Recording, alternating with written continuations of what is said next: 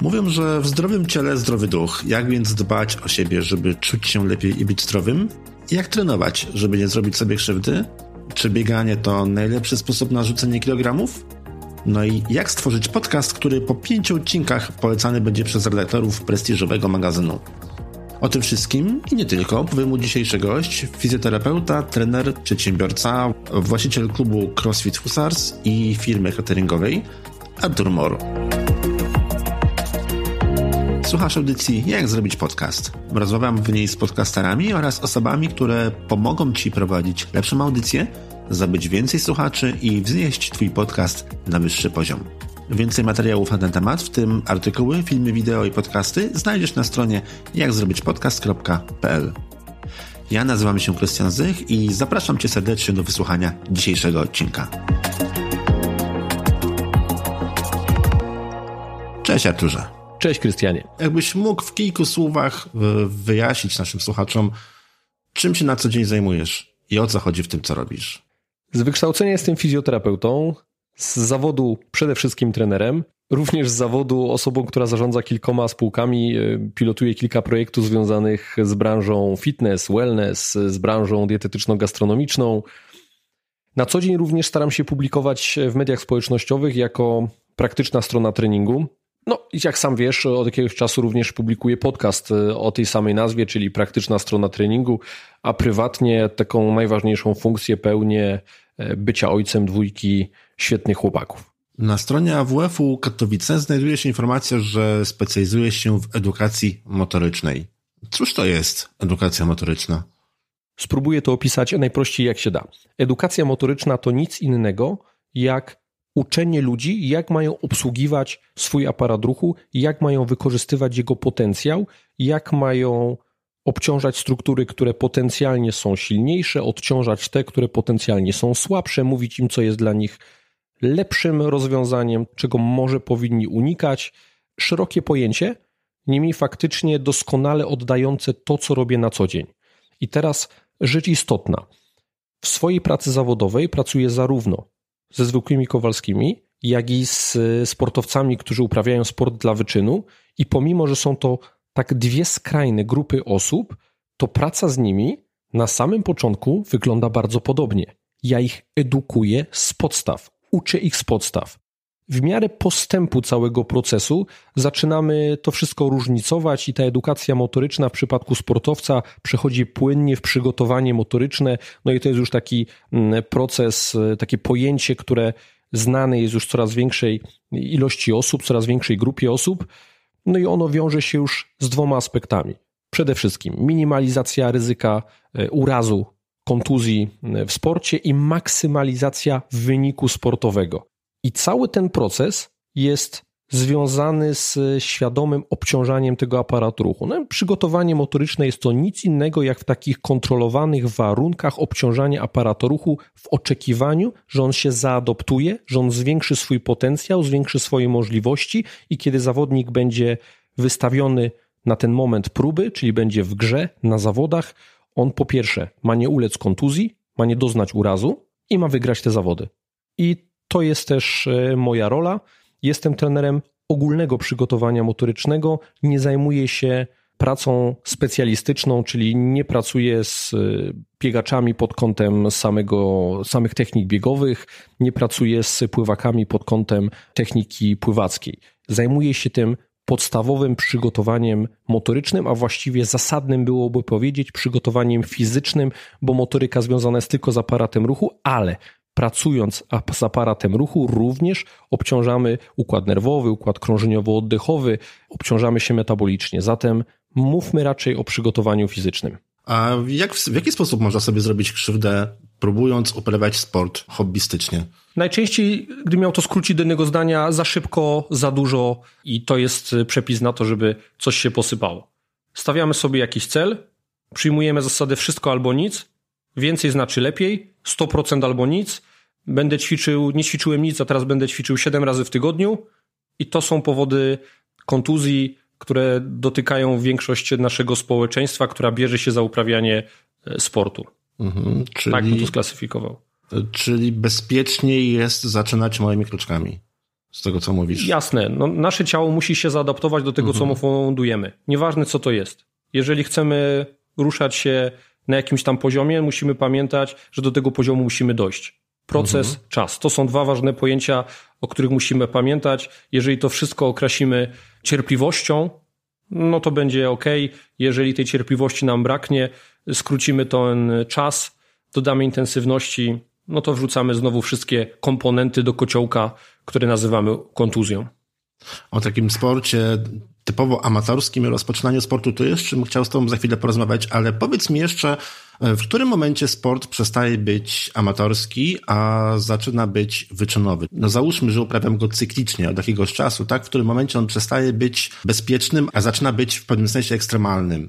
Czy są jakieś takie granice? Można to jakoś samemu, samodzielnie w domu e, określić, do, do, do którego momentu to jest wszystko bezpieczne, a w którym momencie trzeba uważać? Ta granica, ona jest bardzo płynna. Ona będzie też indywidualna dla każdego z nas. Ona będzie różna dla każdego sportu, dla każdej specyfiki sportu, którą zaczynamy uprawiać. Nie da się na to odpowiedzieć jednoznacznie. Gdybym natomiast próbował powiedzieć, gdzie są te ramy, no to na pewno ten górny nawias, te, te widełki, które zamykają tą część związaną ze zdrowiem, postawiłbym w momencie, kiedy zaczyna się wyczyn. Ten wyczyn się wkrada do naszego życia. On najczęściej pojawia się w taki sposób e, nieoczywisty, czyli uprawiamy faktycznie jakiś sport sobie rekreacyjnie, nas to cieszy, a potem nagle patrzymy, a gdyby tak wystartować w półmaratonie, a gdyby tak wystartować w maratonie, a może Właśnie, przebiegnę jakiś Run chciałem zahaczyć. to, to, są takie najczęstsze cele, które stawiają mhm. sobie amatorzy. Ostatnio też popularne się zrobiły już nawet nie ostatnio, ale od dłuższego czasu biegi OCR, te biegi z przeszkodami. Pojawiły się różne alternatywne formy treningu, które same w sobie są fajne, jak na przykład crossfit czy jakiekolwiek inne sporty. One są naprawdę super, tylko wiele osób podpala się, zaczyna szukać tego wyczynu, no i to jest ten moment, y, który bym powiedział, że kończy się komponenta zdrowia, a zaczyna się komponenta zdrowia, ale utraconego. Tak, no bo sport y, dla wyczynu to jak najbardziej zdrowie, tyle że utracone. Właśnie o tym, o tym y, maratonie chciałem wspomnieć i, i, chciałem też o to zapytać, bo wiele, wiele razy spotkałem się z taką sytuacją, że a, zacznę sobie biegać. No i dzisiaj zaczynam 3 km, tak? Za jakiś czas 5 km, potem 7, 10 km i potem nagle, a może w sumie to ja wezmę sobie udział w maratonie. Tylko, że maratony moim zdaniem to już nie jest taki sobie rekreacyjny bieganie, to już nie jest sport taki stricte amatorski. Moim zdaniem, nie wiem, może się mylę. I tutaj to jest faktycznie... Masz naj... całkowicie rację. Najczęściej, przynajmniej z tego, co zaobserwowałem, to jest najczęściej takie, no mocno, moim zdaniem, zaawansowane już y, uprawianie sportu, w momencie, kiedy wydaje nam się, że cały czas jeszcze robimy to bardzo hobbystyczne, bardzo tak na spokojnie bym powiedział. To tak jak powiedziałem wcześniej, umyka nam mhm. ten wkradający się do naszej rutyny treningowej wyczyn. Nie zauważamy, kiedy to się dzieje, a już zaczynamy biegać maratony. I bieganie samo w sobie jak najbardziej jest fajną rzeczą, jeżeli tylko jesteśmy gotowi na to bieganie, no bo jeżeli ktoś siedzi 8 godzin za biurkiem, wstał od niego i teraz chce regularnie biegać, to warto, żeby skonsultował się z fizjoterapeutą, warto, żeby sobie zrobił wspomniany już na początku rozmowy jakiś trening przygotowania motorycznego z trenerem, który jest w tym wyszkolony, żeby przygotował się do tego, zrobił to z głową. Mhm. Gdybym ja miał podsumować całe swoje doświadczenie Albo może tak, dać rekomendacje na podstawie całego swojego doświadczenia zawodowego, to ona byłaby jedna. Korzystajmy z pomocy specjalistów. Nie róbmy wszystkiego na własną rękę, zaoszczędzimy sobie czas, oszczędzimy sobie zdrowia, będziemy mieli większą satysfakcję z tego, co robimy, będziemy robili to lepiej. Czyli korzystajmy z pomocy specjalistów i oni nam ukrócą, no, zmniejszą szansę na, na jakieś tam błędy, które potencjalnie możemy popełnić. Powiem więcej, które na pewno popełnimy. Mm, no ale bieganie wydaje się być takim dosyć bezpiecznym. Jeszcze będę się trzymał tego biegania. Wydaje się być takim dosyć bezpiecznym sportem, tak? No bo wgrywamy sobie Endamondo, czy tam, nie wiem, jakąś inną aplikację do liczenia kilometrów i startujemy i lecimy. I tutaj wiele osób, przynajmniej, no nie wiem, nie chcę się wypowiadać w niczyim imieniu, ale ja na przykład, znaczy ja nie mogę biegać niestety ze względu na, na, na chore płuca, kilka razy przymierzałem się do tego i, i, nie dało rady. E, w każdym razie, przymierzając się do biegów w ogóle, czy przymierzając się do jakiegoś uprawiania takiego bardzo amatorskiego sportu, czyli właśnie, a, spróbuję, przebiegnę sobie 3 km, może mi się uda, Przyznam, że nawet mi przez myśl nie przeszło, że mógłbym konsultować się z jakimś ekspertem, z jakimś specjalistą w tym zakresie, e, żeby dopytywać, jak to robić, w jaki sposób, nie wiem, zadbać o siebie przy okazji. I przypuszczam, że wiele osób o tym w takich kategoriach po prostu nie myśli. Bo jakby to nie jest obligatoryjne, żeby konsultować się ze specjalistą, tylko musisz zabrać na klatę to, że popełnisz wiele błędów, że będziesz się borykał z wieloma kontuzjami, twój satysfakcjonujący wynik, który potencjalnie sobie, który nad siebie gdzieś tam czeka, on przyjdzie dużo później. Wiesz, no prosty przykład. Moim hobby jest lotnictwo. I teraz mhm. mógłbym przejść całą tą drogę związaną z lataniem jak jak bracia Wright, tak, gdzie wymyślać wszystkie maszyny latające i być pionierem, albo mógłbym skorzystać z pomocy specjalistów, pilotów, którzy są szkoleniowcami i czerpać wiedzę od nich, tak? No, w przypadku latania wydaje się być to oczywiste, w przypadku nauki jazdy samochodem wydaje się być to oczywiste, a w przypadku sportu mamy wrażenie, że możemy obciążać nasze ciało w każdym wymiarze i bezkarnie i robić to na własną rękę. No tak, możemy, ale to zawsze będzie miało, będzie niosło ze sobą jakieś konsekwencje. No, fajnie nie chcemy. A jeszcze, jeszcze, jeszcze fajniejsze jest takie, e, jak ja się wziąłem za nagrywanie podcastu, to mogłem popełnić wszystkie możliwe błędy, albo mogłem zadzwonić do ciebie, no nie? tak, podcasty też mi przeszły na myśl, ale z tym lotnictwem fajne porównanie, bo faktycznie e, w wielu dziedzinach, w zdecydowanej większości jednak dziedzin, pytamy o poradę specjalisty, a tutaj, no jak sam powiedziałem, nawet sam bym nie wpadł na pomysł, żeby prosić kogoś o pomoc, w, nie wiem, w momencie, gdybym chciał zacząć biegać czy, czy, czy jeździć na rowerze. To ja myślę, że to jest też kwestia takiej świadomości społecznej. No, każdy nam mówi z każdej reklamy, z każdego zakątku internetu, że bieganie jest czymś naturalnym, każdy może biegać, po prostu kubu buty i zacznij biec przed siebie. No, jak ktoś ma idealną biomechanikę, ktoś nie ma dużej nadwagi i jeszcze nie ma szeregu innych czynników ryzyka, które mogą wpłynąć na kontuzję, może tak zrobić i może mu się nawet to udać, może być urodzonym talentem do biegania, natomiast statystycznie większość osób, która to zrobi na partyzanta, będzie miała z tego tytułu jakieś problemy. Prędzej czy później. To jest zawsze kwestia czasu. Prowadzisz klub crossfitowy y, w Katowicach. Powiedz mi, czym jest crossfit i czy crossfit jest bezpieczny dla takich osób początkujących? Mówimy cały czas o, o amatorach. Czy jest to raczej już coś dla no, mocno zaawansowanych zawodników? Klub CrossFit Husars, bo o nim y, mowa, jest trochę takim zwieńczeniem mojej kariery zawodowej, jeżeli chodzi o bycie trenerem no mam swoje miejsce, gdzie mogę ćwiczyć swoimi podopiecznymi, mogą uczęszczać do niego osoby, które szukają świadomego ruchu. CrossFit Husars myślę jest też takim zwieńczeniem idei, które mi hołdują w całym tym procesie treningowym. To miejsce nastawione jest wyjątkowo prozdrowotnie, wyjątkowo nastawione jest na świadomy trening, Mhm. Unikamy tam, znaczy unikamy, nie ma tam partyzantki związanej z treningiem. Nie zachęcamy ludzi w pierwszej kolejności, ażeby uprawiali ten sport, y, żeby byli aktywni dla wyczynu. Nie? No, czyli mhm. mówiłem, jakie konsekwencje niesie ze sobą gdzieś wyczyn. My im mówimy, słuchaj, zacznij ćwiczyć sobie rekreacyjnie, ćwicz dla zdrowia. Jeżeli taka osoba nabierze świadomości, wyedukuje się i potem będzie chciała realizować ten swój wyczyn, jasne, spróbujmy uczynić go możliwie najbardziej bezpiecznym. Niemniej cały CrossFit Husarz stara się hołdować zasadzie ćwiczymy dla zdrowia, ćwiczymy bezpiecznie. No ale crossfit kojarzy się raczej z takimi dosyć mocnymi, powiedział bardziej wyczynowymi już e, sportami. Wiesz co, no czy on jest e, jakiś ekstremalny? No, no nie. Jakbyśmy sobie nawet chcieli poprzeć literaturą z argumentację, to według najnowszych e, badań, a już zaczyna troszeczkę być związanych z crossfitem, ilość kontuzji na tysiąc godzin treningu to jest taki wskaźnik, który jest y, popularny w określeniu, czy dany sport jest bezpieczny, czy, czy nie, czy niesie sobą jakieś ryzyko urazu. Ten mhm. współczynnik ilości kontuzji na tysiąc godzin treningu wynosi mm, w crossficie około 3, nie? czyli 3 tam kontuzje na tysiąc godzin treningu.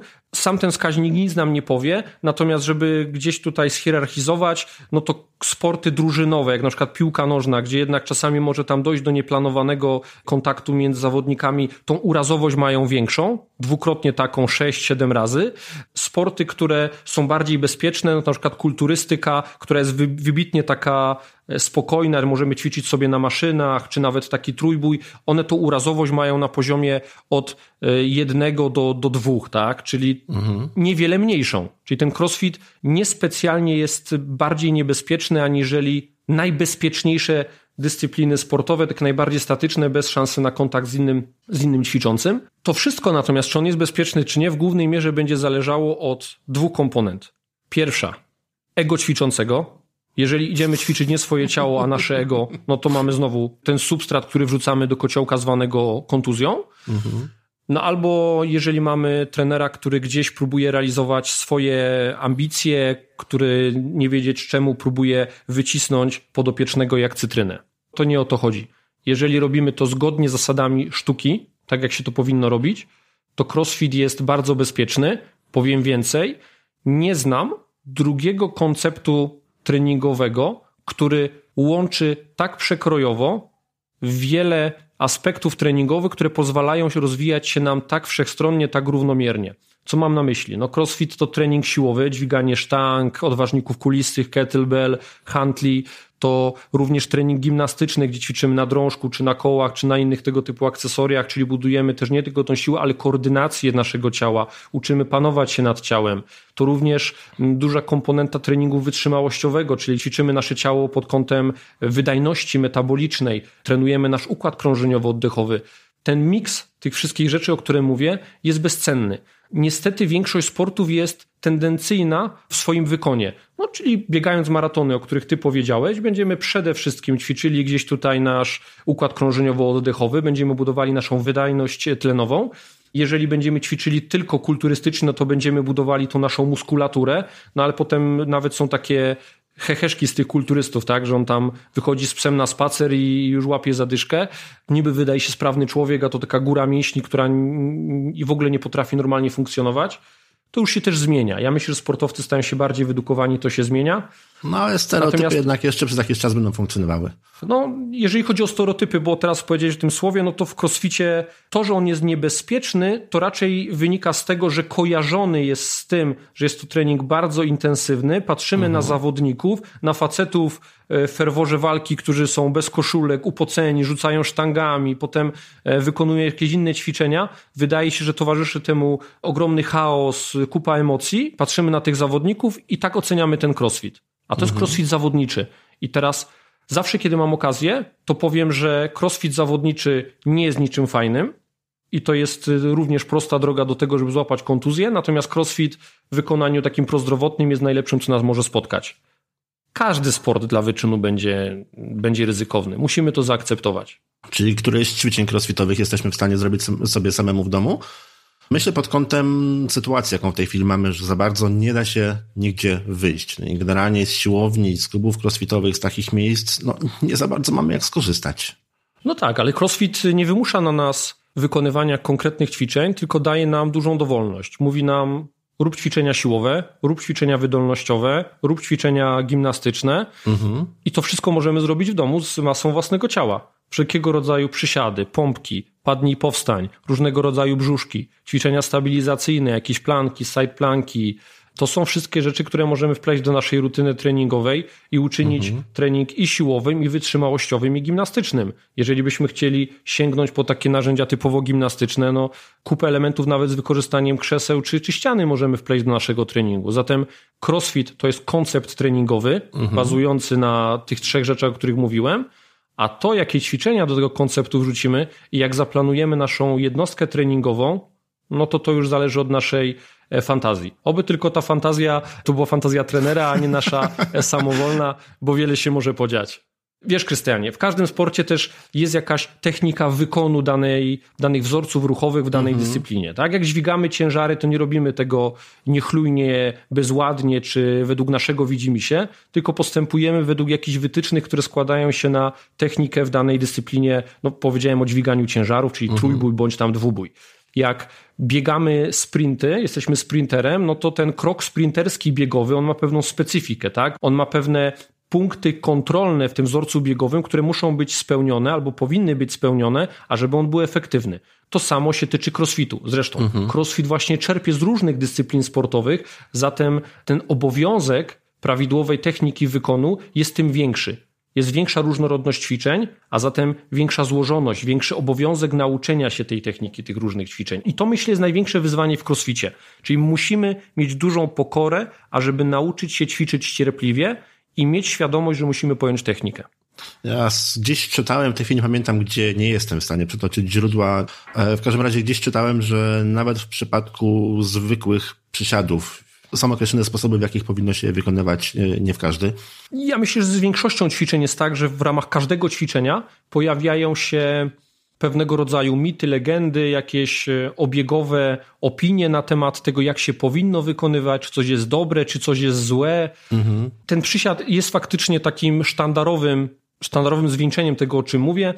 Na pewno słyszałeś takie sformułowanie kolana w przysiadzie nie mogą wyprzedzać linii palców. No właśnie. Spotkałeś się z czymś takim? No właśnie, no, tak, to słyszałem jest przykład czegoś takiego. takiego, nie? To jest przykład tego, o czym najczęściej mówimy. Jak ktoś jest z branży i mnie słucha, to dla niego to już jest taki frazes, taka, takie oklepane coś, natomiast y, pierwszy raz rozmawiam na ten temat, więc pochylę się trochę nad tym. To, czy te kolana mogą wyprzedzać linię palców, e, zależy od wielu czynników. Każdy z nas ma swoje proporcje kostne. Długość kości udowej, długość kości piszczelowej. To wszystko wpływa na to, że wykonanie docelowe danego wzorca ruchowego, w tym przypadku przysiadu, żeby było najbardziej optymalne, to musi być wykonane w jakiś specyficzny sposób. Mhm. Jeżeli zaczniemy przysiad i będziemy zaczynali wypychać te kolana do przodu, czyli cały ruch przysiadu zaczniemy od zgięcia w kolanach i pchania ich do przodu, to nie będzie to u większości osób y, optymalne ustawienie. Najprawdopodobniej będzie to ponadprzeciętnie obciążało im te stawy kolanowe, jeżeli dorzucimy do tego ciężar na plecach. Tak? Jak przysiad z ciężarem na plecach, no to to obciążenie będzie tym większe. Najczęściej przysiad zaczyna się wykonywać od przesunięcia biodra w tył, nazywać tak ten ruch charakterystyczny takim hip hinge'em, przesuwamy biodro do tyłu, dociążamy to biodro i dopiero zaczynamy uginać sobie kolana i teraz od tego momentu te kolana mogą robić sobie co chcą. Jeżeli one pójdą sobie przed linię palców, nic złego im się nie stanie. Tak? Czyli, żeby to spuentować, nie powinniśmy zadawać sobie pytania, czy kolana mogą wyprzedzać linię palców, tylko raczej kiedy ten fakt nastąpi. Nie? Powiedzenie, mhm. że kolana nie mogą wyprzedzać linii palców jest może być złe bądź prawdziwe i powiedzenie, że kolana mogą wyprzedzać linię palców również może być prawdą, ale może być też fałszem. Wszystko zależy indywidualnie od danej osoby, od techniki wykonu, od momentu, w którym te kolana wyprzedzą linię palców. Nie? To jest równanie z niezliczoną ilością zmiennych, po to jest trener, po to jest fizjoterapeuta, ażeby tą niezliczoną ilość zmiennych przeanalizować i dobrać taką wersję ćwiczenia, żeby można było korzystać z niej przez całe życie. Powiedz mi, czy ty trenujesz sam? Tak, co oczywiście rekreacyjnie cały czas trenuję. Poza lataniem. Tak, i oczywiście. Latanie jest moim hobby i uważam, że każdy powinien mieć jakiś hobby niezwiązany z, ze swoim zawodem, nawet jeżeli jego zawód jest jego pasją życiową i cieszy go niezmiernie, to myślę, że wejście w jakieś inne środowisko i postawienie się w pozycji ucznia, to to ja zrobiłem zaczynając przygodę z lataniem, uczy pokory, pokazuje w jakiej sytuacji są osoby, które do nas trafiają, tak? Bo one nie mają wiedzy. Ja zaczynając latać nie miałem wiedzy, nie wiedziałem jak latać, jak latać bezpiecznie, jak latać efektywnie, tego musiałem się wszystkiego nauczyć, uczę się po dziś dzień, to jest proces. To naprawdę mi dużo dało. Ja zacząłem przygodę z lataniem 3 lata temu i myślę, to był jeden z momentów w mojej karierze, kiedy stałem się lepszym, lepszym trenerem, bo przypomniałem sobie, jak to jest być uczniem. Czyli to hobby e, musi być. I teraz, y, czy ćwiczę rekreacyjnie, czy ćwiczę dla wyczynu? Ćwiczę rekreacyjnie. Teraz na pewno ćwiczę od dwóch, trzech lat rekreacyjnie. Wcześniej gdzieś też kusił mnie ten wyczyn. Chciałem zobaczyć, gdzie są granice moich własnych możliwości.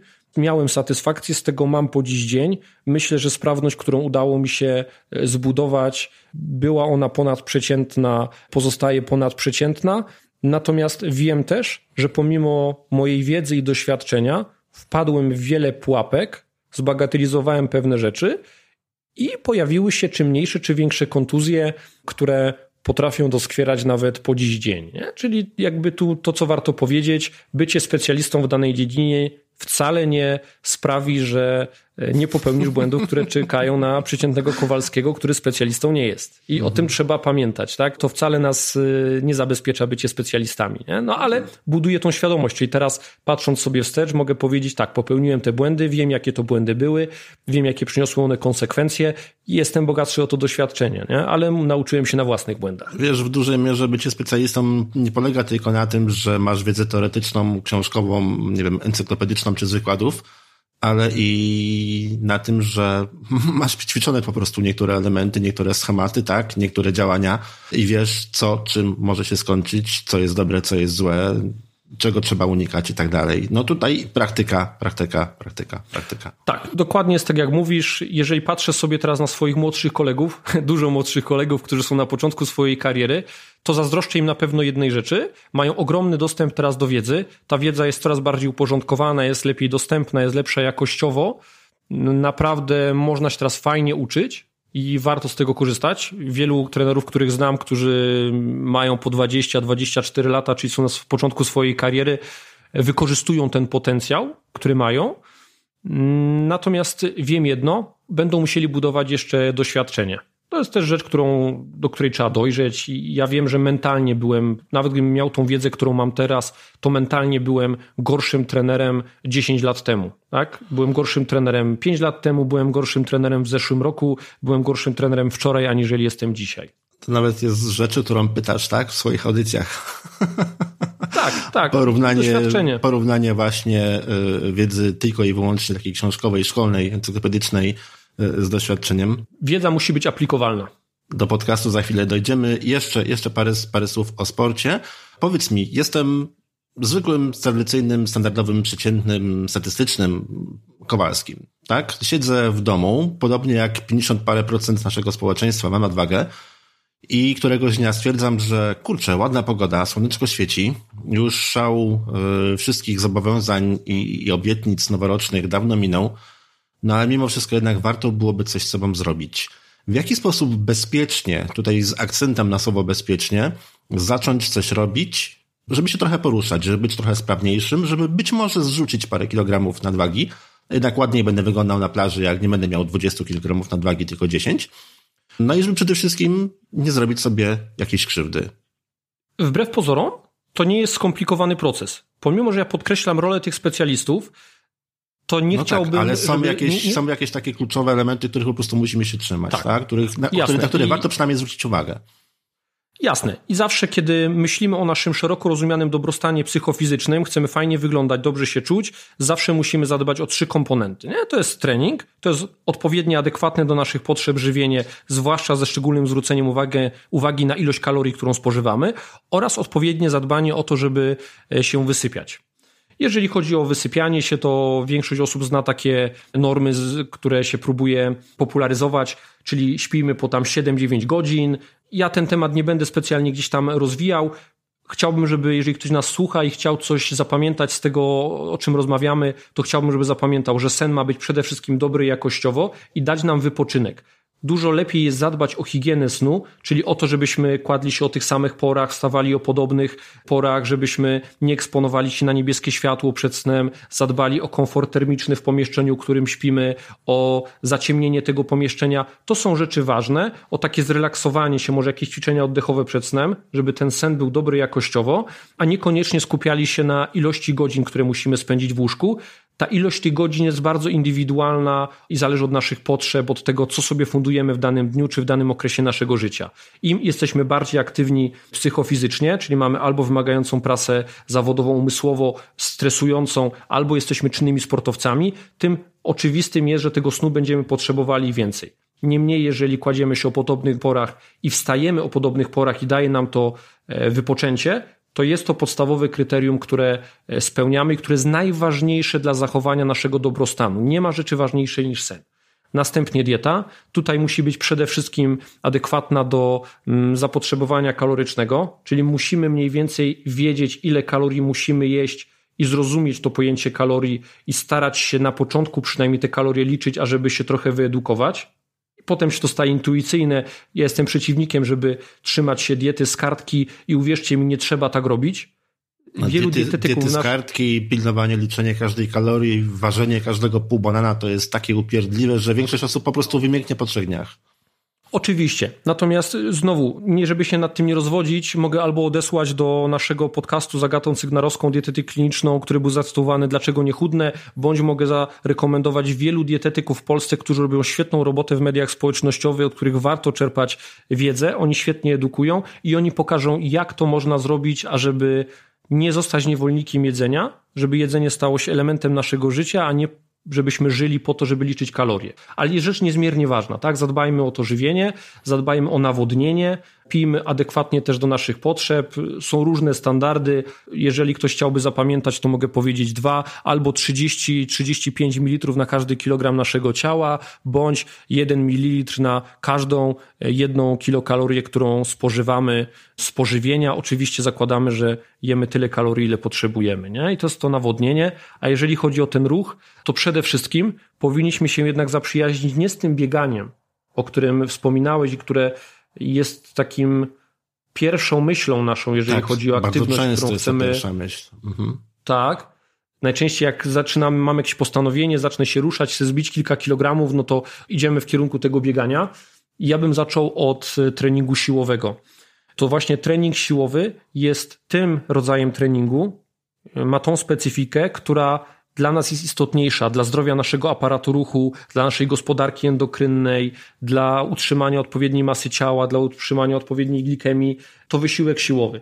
Czyli musimy się z nim zaprzyjaźnić, nie bójmy się go. Jeżeli komuś się kojarzy trening siłowy z dźwiganiem dużych ciężarów, z trójboistami, dwuboistami czy kulturystami i takim przerostem tej masy mięśniowej, niepotrzebnie. niepotrzebnie. Sztangi, sztangi nie są nam potrzebne. Ma być opór, nie? No bo z definicji, jeżeli chcemy ćwiczyć siłę, potrzebujemy treningu oporowego. Dlaczego siła jest to zdolność naszych mięśni do przeciwdziałania bądź pokonywania e, oporu zewnętrznego?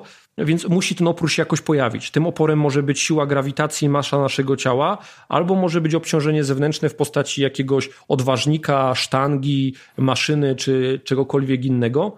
Niemniej musielibyśmy te podstawy treningu siłowego zgłębić, bo to jest warunek naszego dobrostanu. Zresztą wraz z wiekiem tracimy masę mięśniową. To jest zjawisko całkowicie naturalne. W Stanach Zjednoczonych, kiedy mamy duży problem z taką prawdziwą epidemią otyłości, to mamy duży problem z, też z sarkopenią, z, takim, z taką niepełnosprawnością związaną z nadmierną masą, z bardzo dużą masą ciała i z niewielką masą mięśniową, tym samym niewielką siłą, i te osoby stają się po prostu w pewnym momencie swojego życia niesprawne. Jest to mhm. bardzo duży problem społeczny, jest to również duży problem ekonomiczny, no bo te osoby potrzebują opieki, potrzebują kogoś, kto się nimi zajmie, potrzebują specjalnych narzędzi, ażeby mógł funkcjonować na co dzień. Warto mhm. o tym pomyśleć e, zawczasu. To właśnie te trzy składowe żywienie, trening i sen są podstawą naszego dobrostanu. Wspomniałeś o zdrowym odżywianiu. Ty również masz coś wspólnego ze zdrowym odżywianiem, tak? Jedna z firm, które prowadzisz, to jest Box Kitchen. Tak, zgadza się. No, widzisz, to nieodłączne składowe, o których wspomniałem, mhm. czyli ten ruch z żywieniem zawsze będą szły w parze, jeżeli chcemy albo realizować wynik w sporcie, albo jeżeli chcemy czuć się po prostu dobrze i, i wykorzystywać swój potencjał. No i też naturalnym krokiem w moim rozwoju i przy okazji w jakiejś realizacji biznesowej było stworzenie spółki, która związana jest z cateringiem pudełkowym, z cateringiem dietetycznym i, i o nazwie, o której wspomniałeś, czyli Box Kitchen. Staramy się, ażeby ta firma dostarczała możliwie najlepsze jakościowo pożywienie pod drzwi naszych klientów. Rozumiem, że działacie w tej chwili na Śląsku, tak? Katowice, Kolice? Działamy na terenie województwa śląskiego, małopolskiego i jesteśmy już od tego miesiąca również na terenie Wrocławia. O. Ekspansja. Poczekam na Poznań. E, linki podeślemy naszym słuchaczom, będą w notatkach do dzisiejszego odcinka. Czyli rozumiem, że ta twoja przygoda z, z żywieniem, z, tutaj z tym zdrowym odżywianiem, to w pewnym sensie konsekwencja pracy ze sportem, tak? I tej, tej, tej zdrowej takiej strony tak. ja w ogóle zaczynając, pracując jako trener na początku na, na siłowni, miałem styczność z ludźmi, którzy przychodzili do mnie, no i mieli cel, taki o jakim wspomniałeś. Chcę zrzucić tam ileś kilogramów, chcę się poczuć mhm. lepiej, chcę wyglądać lepiej, chcę o siebie zadbać.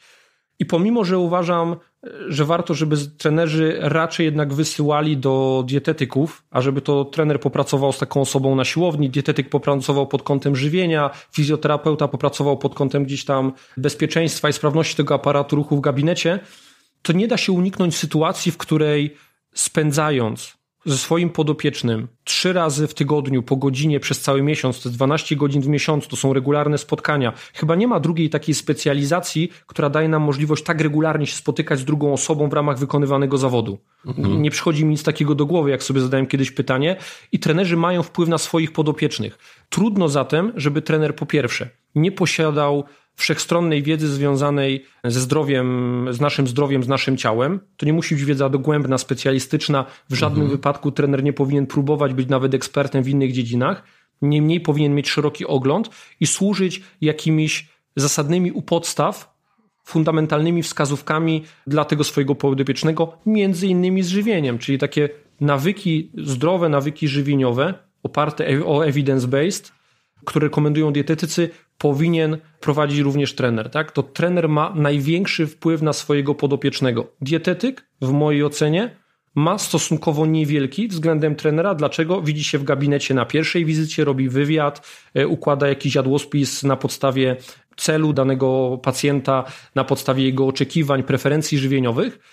No ale potem niekoniecznie ona występuje, ta komponenta motywacji, takiego nadzoru, ta konsultacja potrafi być tam za miesiąc czy za, za półtorej, a trener przez cały ten czas widzi się z tym podopiecznym najczęściej mhm. trzy razy w tygodniu, jest ciągle na łączach i, i nagle oni zaczynają się e, zżywać, zaczynają, um, zaczynają ze sobą rozmawiać na takiej strefie już nie jako klient-trener, tylko już raczej takiej przyjacielskiej i to ma znaczenie dla, tego, dla skuteczności tego procesu. Zatem, mhm. trenerzy, myślicie, co mówicie do swoich podopiecznych, bo macie na nich ogromny wpływ. czy sobie z tego zdajecie sprawę, czy nie?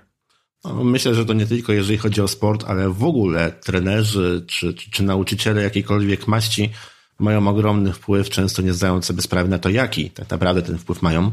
Tutaj przypomniały mi się takie historie też gdzieś zasłyszane od znajomych, zresztą często się pojawiające również i w różnego rodzaju artykułach w internecie i w różnego rodzaju memach czy dowcipach, że pięć dni się odchudzam, a potem mam weekend i sobie pozwalam. Mm. I jeden z y, częściej spotykanych y, błędów y, w procesie redukcji masy ciała. Krótko mówiąc, w odchudzaniu pięć dni trzymam tą rygorystyczną dietę, a potem odpalam wrotki i zaczynam lecieć po bandzie. Bardzo popularne jest to, co teraz mm -hmm. powiedziałeś. Bardzo mm -hmm. popularne i to jest powód, dla którego ludzie nie widzą efektów.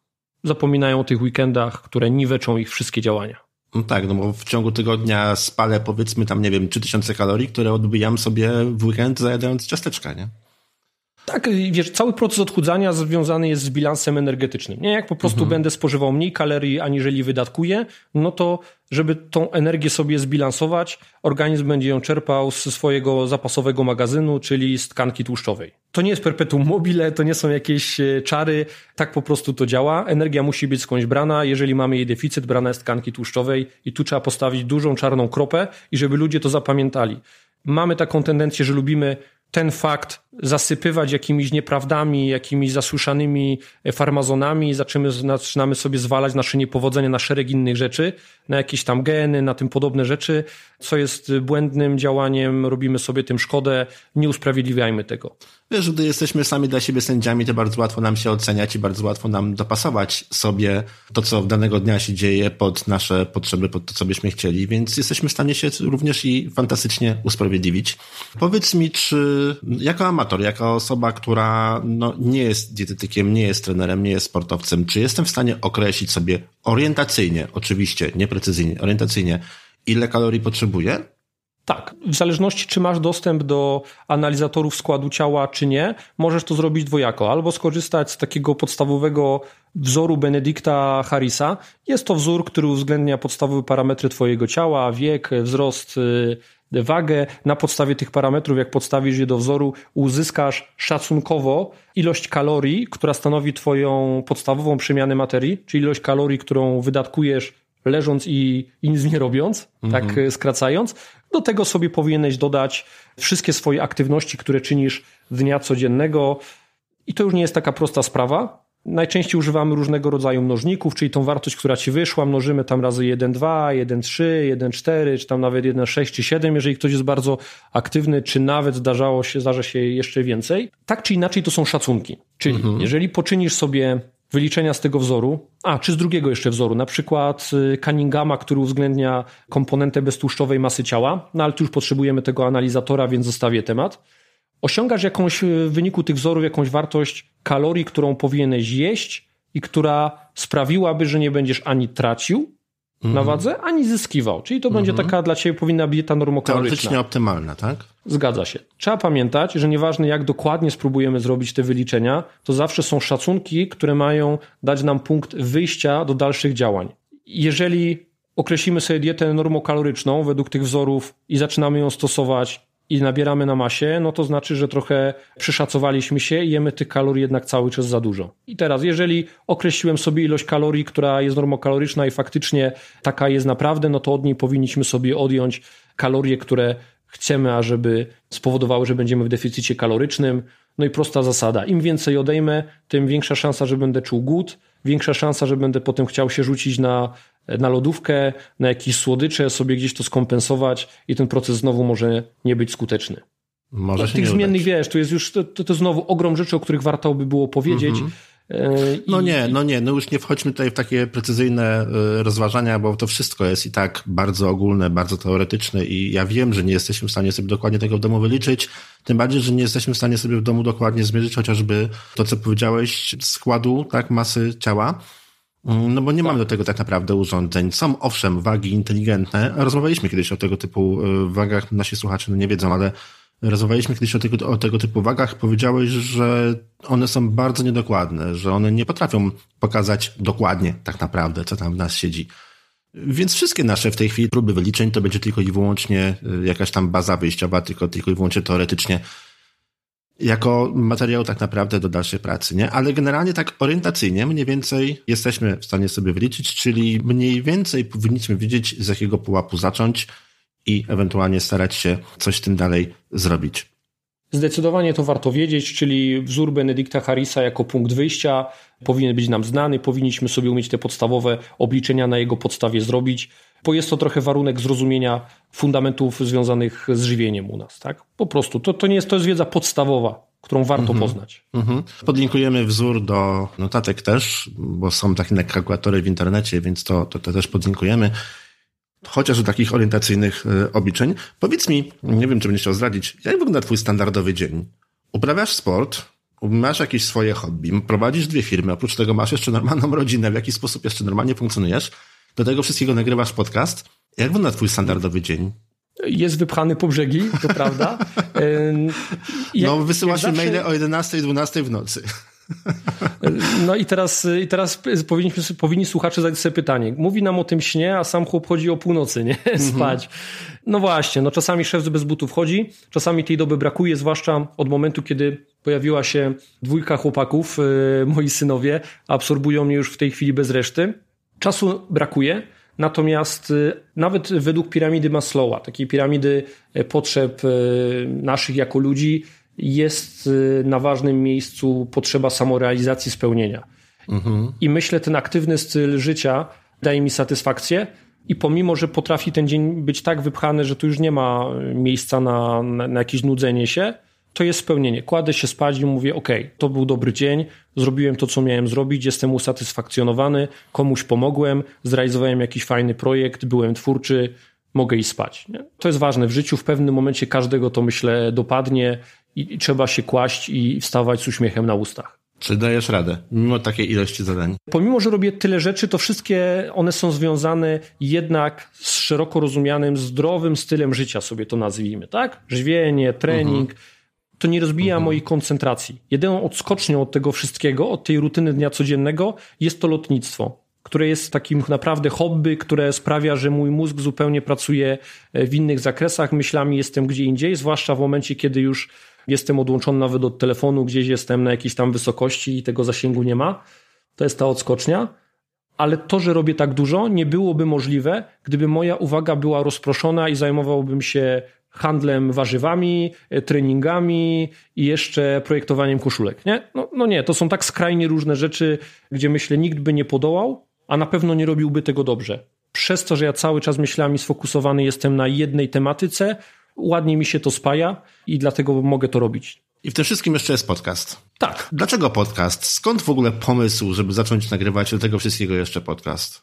Nieodłącznym elementem mojego dnia codziennego jest rozmowa z wieloma specjalistami z różnych e, dziedzin naszego życia. Z ortopedami, z fizjoterapeutami, z dietetykami. Jak wziąłem się za lotnictwo, to również z, e, mam wielką przyjemność rozmawiania z najlepszymi pilotami w naszym kraju. I wiesz co, jeżeli ja te rozmowy toczę na, na co dzień, one są ciekawe, one dają mi jakieś spełnienie i są takim kolorem w moim życiu, to uznałem, że warto je nagrywać, warto się tą wiedzą, która z tych rozmów płynie, na przykład z różnymi specjalistami dzielić, bo jest ona podawana w przystępny sposób. Specjaliści, z którymi ja się spotykam na co dzień, to są osoby, które naprawdę mają ogromną wiedzę w swoich dziedzinach, są aktywni bardzo zawodowo i nie mają też czasami, e, zazwyczaj czasu na promowanie siebie gdzieś w mediach społecznościowych, bo po prostu czy pracują z pacjentami, czy się rozwijają naukowo, czy, czy praktykują.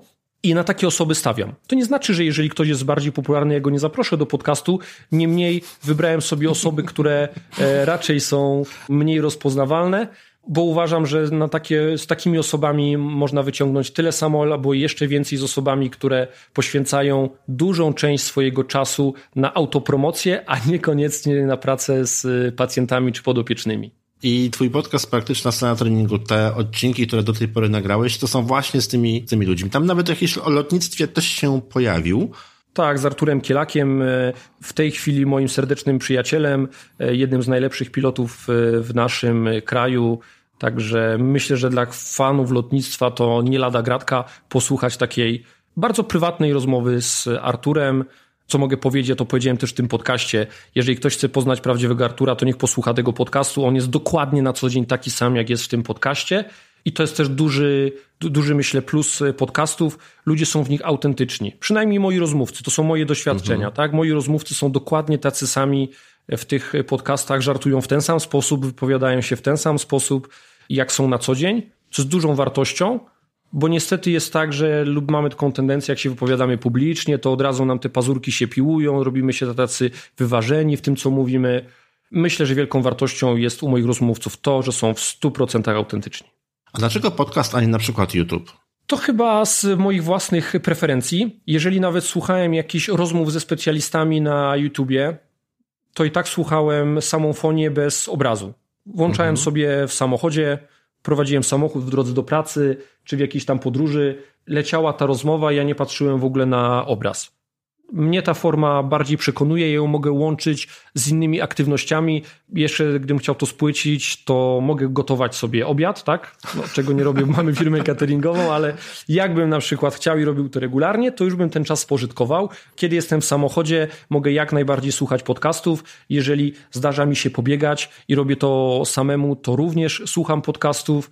Dla mnie świetne narzędzie pozyskiwania nie tyle wiedzy, co doświadczenia innych specjalistów. Nie? Czyli mhm. znowu to, co mówimy, nieważne jaką mhm. wiedzę posiądziemy książkową, ona musi być okraszona tym doświadczeniem. A moi rozmówcy dzielą się swoim doświadczeniem i niejednokrotnie ono nie pokrywa się z takim suchym evidence-based. Nie? Bazuje to doświadczenie na tym evidence-based, ale mają czasami już wypracowane jakieś swoje schematy działania. Większość osób odpowiada w trochę inny sposób, bo większość osób zapytanych, dlaczego chce nagrywać, nagrywa, bądź też nagrywała podcast, odpowiada, bo jest prościej nagrać audio niż nagrać wideo, bo mniej czasu trzeba poświęcić na edycję, bo mniej czasu, sprzętu i tak dalej trzeba poświęcić na przygotowania to do tego podszedłeś troszkę inaczej. Wiesz co, no zobacz, jestem obcięty jak jestem obcięty, tak? Czyli nie mhm. muszę się nawet czesać do tego nagrywania na YouTubie. No wiesz, nie miałbym za bardzo jak... co, co czesać, bądźmy szczerzy.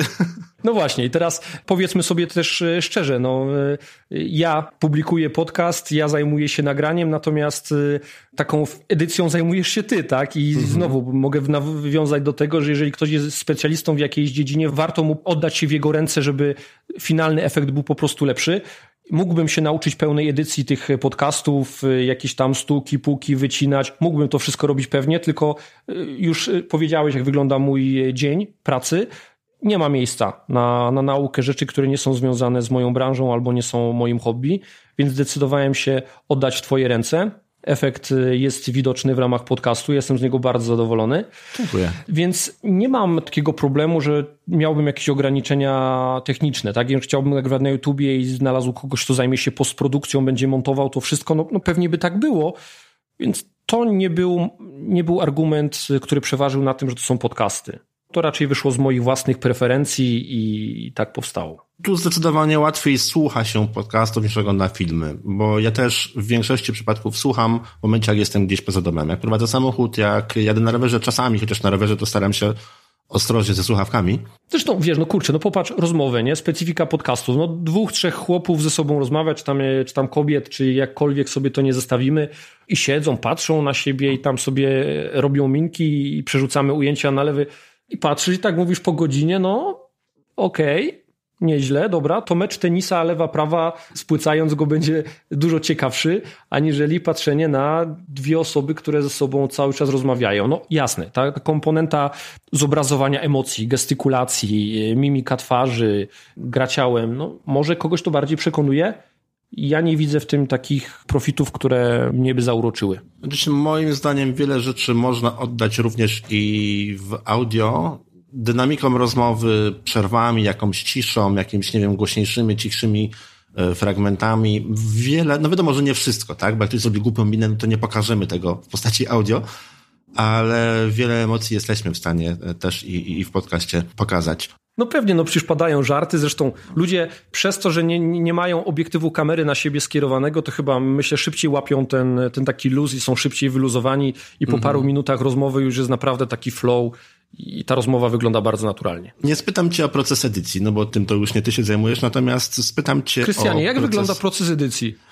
No wiesz, jak wygląda proces edycji. Dostaję od ciebie nagrania, siadam przy nich, siedzę tak długo, nie powiem co myślę i co mówię po drodze i potem dostajesz gotowy plik.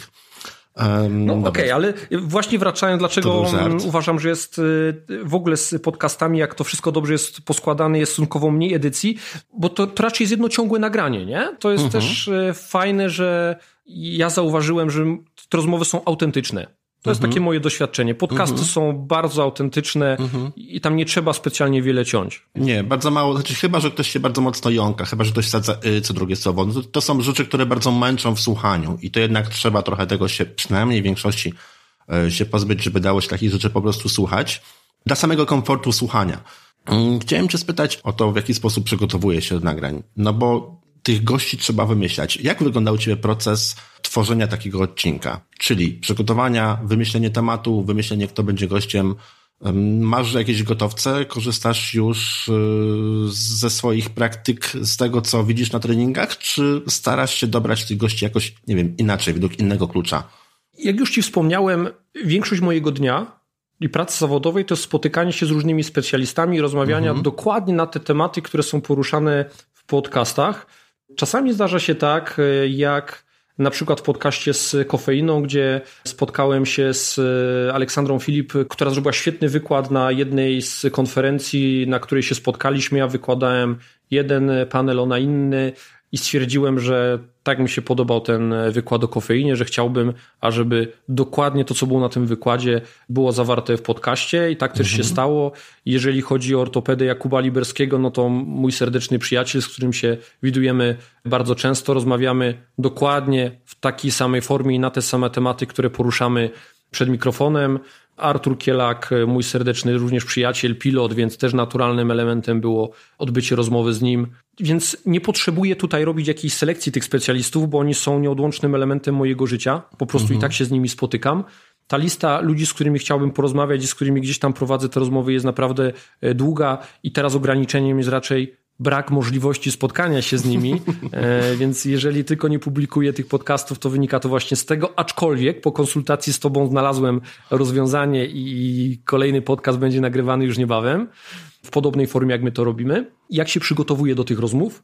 Nie, żeby to było porządne, no to jakiś sobie tam plan rozmowy trzeba zrobić, tak? Czyli te parę pytań, które chciałbym, żeby na pewno się znalazły w rozmowie, sobie zapisuję. Mm, wysyłam taki szkic takiej rozmowy, jak ona miałaby wyglądać do mojego rozmówcy, żeby wiedział, czego się mniej więcej spodziewamy, na jaki temat będziemy rozmawiali. Jeżeli on nie ma uwag, no to siadamy do takiej rozmowy nie ma tu jakiegoś specjalnego przygotowania. No bo jeżeli rozmawiają specjaliści ze sobą, to ja wiem o co ja pytam, o co chcę zapytać, mhm. a ci specjaliści wiedzą, e, jak mają odpowiadać. Nie potrzebują się do tego przyuczać, bo oni tą wiedzę posiadają. No tak, tutaj nie ma tego typu problemu. Na czym nagrywasz? Na czym nagrywam? E, rekorder Tascama, mikrofony Roda, M3 bodajże, do tego słuchawki do odsłuchu i to jest taki zestaw, który w mojej ocenie sprawdził się świetnie. Jak sobie go zweryfikowałem, to wyglądało bardzo szybko. Wpisałem sobie kilka fraz do wujka Google'a, no i jakieś tam gotowe zestawy mi wyskoczyły. Wybrałem coś, co było, miało najwięcej pozytywnych rekomendacji to było przed rozmową z tobą. No ale jakby ty też przytaknąłeś, ale, że to sprzęt ale jak ja najbardziej bym ci polecił okay. dokładnie to samo. Jest to też sprzęt, który ja rekomenduję innym, natomiast no, pytam pod kątem naszych słuchaczy, którzy no, po prostu tego nie wiedzą. E, Tascam DR40 czy DR40X, któryś tak. z tych modeli. 40X, mm, dokładnie ten. 40X. Tak, dokład, ale mhm. na przykład już z uwagi na to, że e, w niektórych odcinkach miałem dwóch rozmówców, przy mhm. okazji nagrywania podcastu na temat piłki nożnej, czy w ogóle przygotowania motorycznego, kiedy była rozmowa z Łukaszem Piwkowskim, to miałem po dwóch rozmówców i tutaj no, musieli współdzielić jeden mikrofon, co było może nie do końca komfortowe. Poradzili sobie. Twoja ale edycja powiem, również że w tym pomogła. Myślę, że tego nie słychać. Nie, nie słychać, no ale komfort nagrania y, i twoja pomoc, no były, mhm. może tak, komfort był na pewno gorszy, twoja pomoc również była mhm. bardziej znacząca, żeby to brzmiało jak brzmi finalnie. Ja mam tutaj, o, nie będzie widać, mam za krótki kabelek. Tascam DR70D to jest do czterech mikrofonów. I to jest rzecz, którą na pewno bym kupił, gdybym robił zakup e, raz jeszcze. Ja, ja na mhm. pewno go zmienię prędzej czy później. Po prostu musi dojść do momentu, kiedy będę wkurzony i będę mówił sobie, kurde Artur, trzeci raz się męczysz z tym jednym współdzielonym mikrofonem. No tak, ale jednak rozmawiając jeden na jeden to jest fantastyczny zestaw, bo Tascam DR40X, tak, porównując y, tego typu rekordery, to nie jest najdroższy. To jest jeden z tych tańszych modeli. Jakościowo ja osobiście bardzo sobie chwalę ich jakość. No i mikrofony Rode M3, no to są w ogóle jedne z tych lepszych, z tych fajniejszych, y, z tych popularniejszych mikrofonów, jakie można, jakie można dostać. Cieszę się, że nie popełniłem błędu na etapie tak. wyboru. Tak, Wiadomo, tak, że w górę, tak, w górę to można prawie, że bez limitów, bo są mi rekordery po 20 tysięcy i są mikrofony po 28 tysięcy, no ale to już, biorąc pod uwagę, to jest zdrowy rozsądek. Wiesz, ja jestem takim podcasterem, który raczej skupia się na tej rozmowie, a ta część techniczna jest y, mi naprawdę bardzo obca i ten podcast nie miałby, nie, nie mógłby ujrzeć światła dziennego, no, gdyby nie było takich osób jak ty, nie? które te pomagają w realizacji tych podcastów. I to uważam jest Ale bezcenne. Ale ty mi to dzisiaj słodzisz. Chyba liczysz na jakieś rabaty. Wiesz co, bardziej, bardziej liczę na to, że ludzie zaczną korzystać z pomocy specjalistów w każdej, w każdej branży, w każdej dziedzinie. Nie? I to jest taki mój postulat do wszystkich. Mhm. Nauczcie się korzystać z, z pomocy specjalistów specjalistów, nie bądźcie specjalistami od wszystkiego, tracicie kupę czasu. Jak ja sobie bym przeliczył, co ja mogę zrobić w czasie, kiedy bym to montował i się męczył z tym przez najbliższy rok, kiedy bym dopiero budował swoje umiejętności e, w warsztacie, pracując z takimi podcastami, strata czasu. Definicja straty czasu. E, zajmijmy się tym, co robimy dobrze i dajmy robić dobre rzeczy innym. No, generalnie edycja jednogodzinnego odcinka w przypadku, gdy ktoś się uczy edytować swoje własne podcasty, bo wiadomo, potem to idzie szybciej, tak? Bo jesteśmy w stanie wiele rzeczy robić automatycznie. Natomiast na początku, gdy się uczymy edytować swoich własnych nagrań, no to edycja jednogodzinnego odcinka to jest 5, czasami 6 godzin pracy. Natomiast nie spotkałem osoby, której by się udało zejść poniżej 4 godzin na około godzinny odcinek. Nie? Wiesz, ja, ja zrobiłem podejście, zrzuciłem nagranie, odpaliłem jakiś podstawowy program, chyba nawet ta Audacity, którą, mhm. od której chyba wszyscy zaczynają.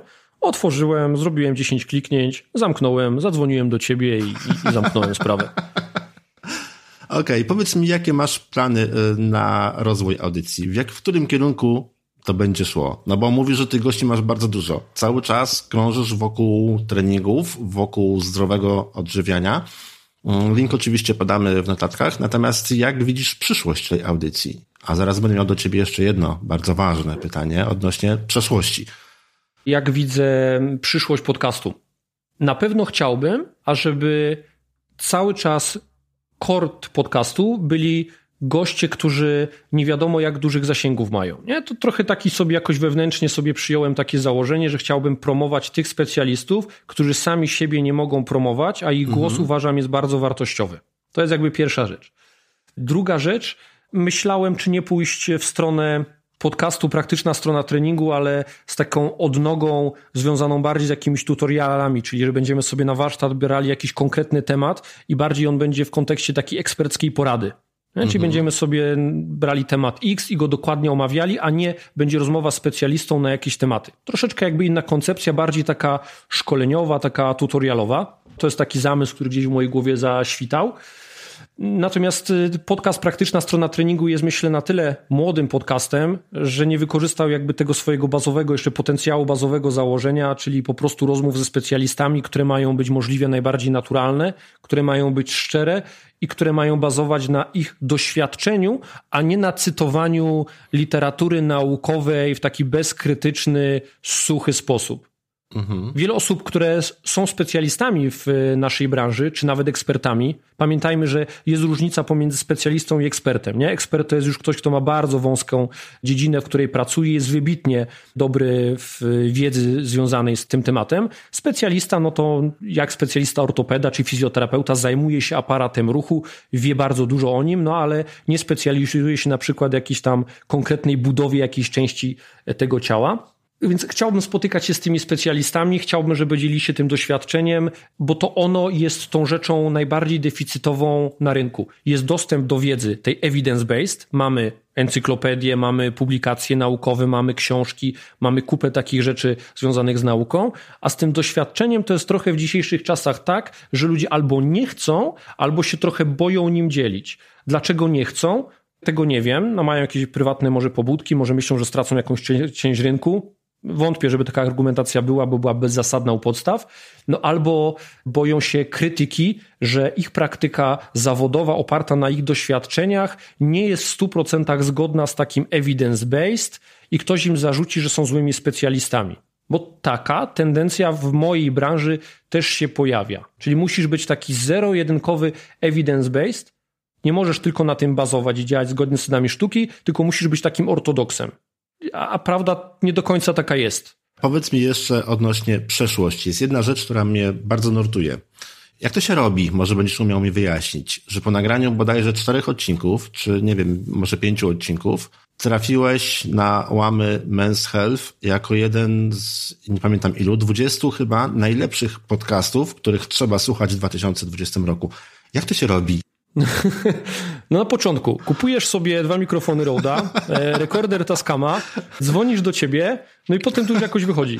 E, wiesz, Krystianie, ja myślę tak, jeżeli coś jest tak naprawdę szczere, jeżeli nie jest sztuczne, jeżeli nie, nie płynie z tego, że chcemy po prostu robić jakąś swoją autopromocję, to tego chyba się całkiem nieźle słucha.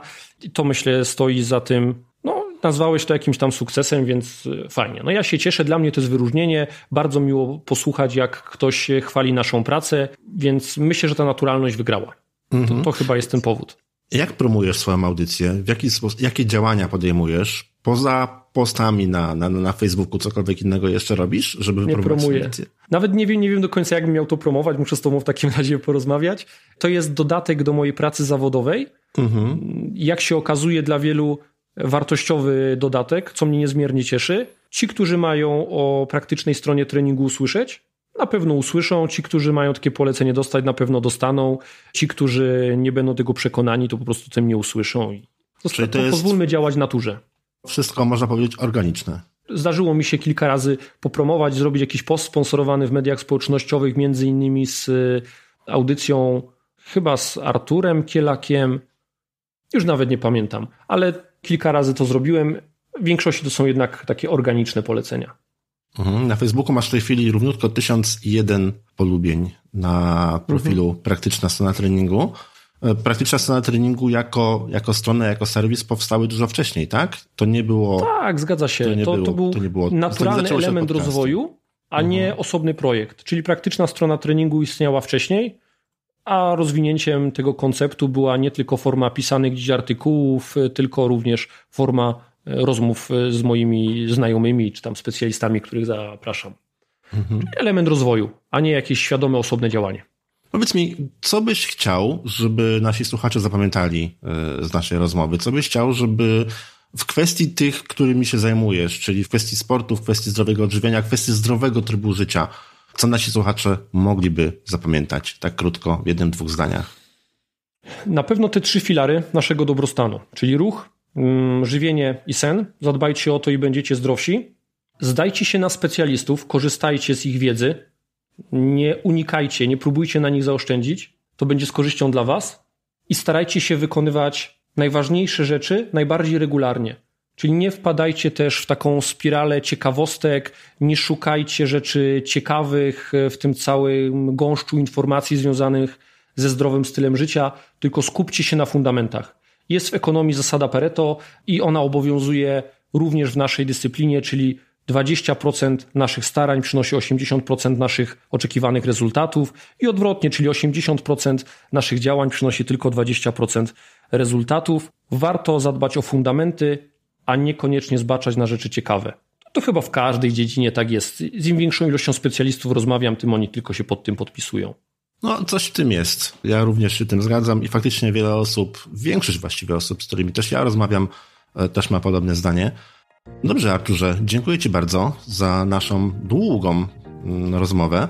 Powodzenia w tych trudnych w tej chwili czasach. Tak, na pewno jesteśmy przed wielkim wyzwaniem. Krystianie, również dziękuję za tą rozmowę. Ja myślę, że to będzie pierwszy i ostatni taki szczery wywiad ze mną, wiesz? Czemu ostatni? Może to właśnie będzie początek dopiero wywiadów, aczkolwiek to nie jest co? pierwszy wywiad z tobą, bo ja jeden wywiad z tobą oglądałem na YouTubie jakiś czas temu. Aha, okej, okay. ale to na pewno nie taki prywatny, nie taki na nie, ludzie. Nie, nie, to było coś odnośnie bodajże crossfitu chyba, czy, czy, czy w ogóle twojego klubu, nie pamiętam. No ale jeżeli wiesz, jeżeli ktoś e, chciałby dowiedzieć się więcej na mój temat i dowiedzieć się jak wyglądają kulisy praktycznej strony treningu, no to dowie się na pewno o wielu fajnych rzeczy z tej naszej mhm. rozmowy. No i cóż, mam nadzieję, że będzie można niedługo wyjść, spotkać się, porozmawiać, potrenować i nagrać coś na żywo. Będzie dużo ciekawiej niż przez internet.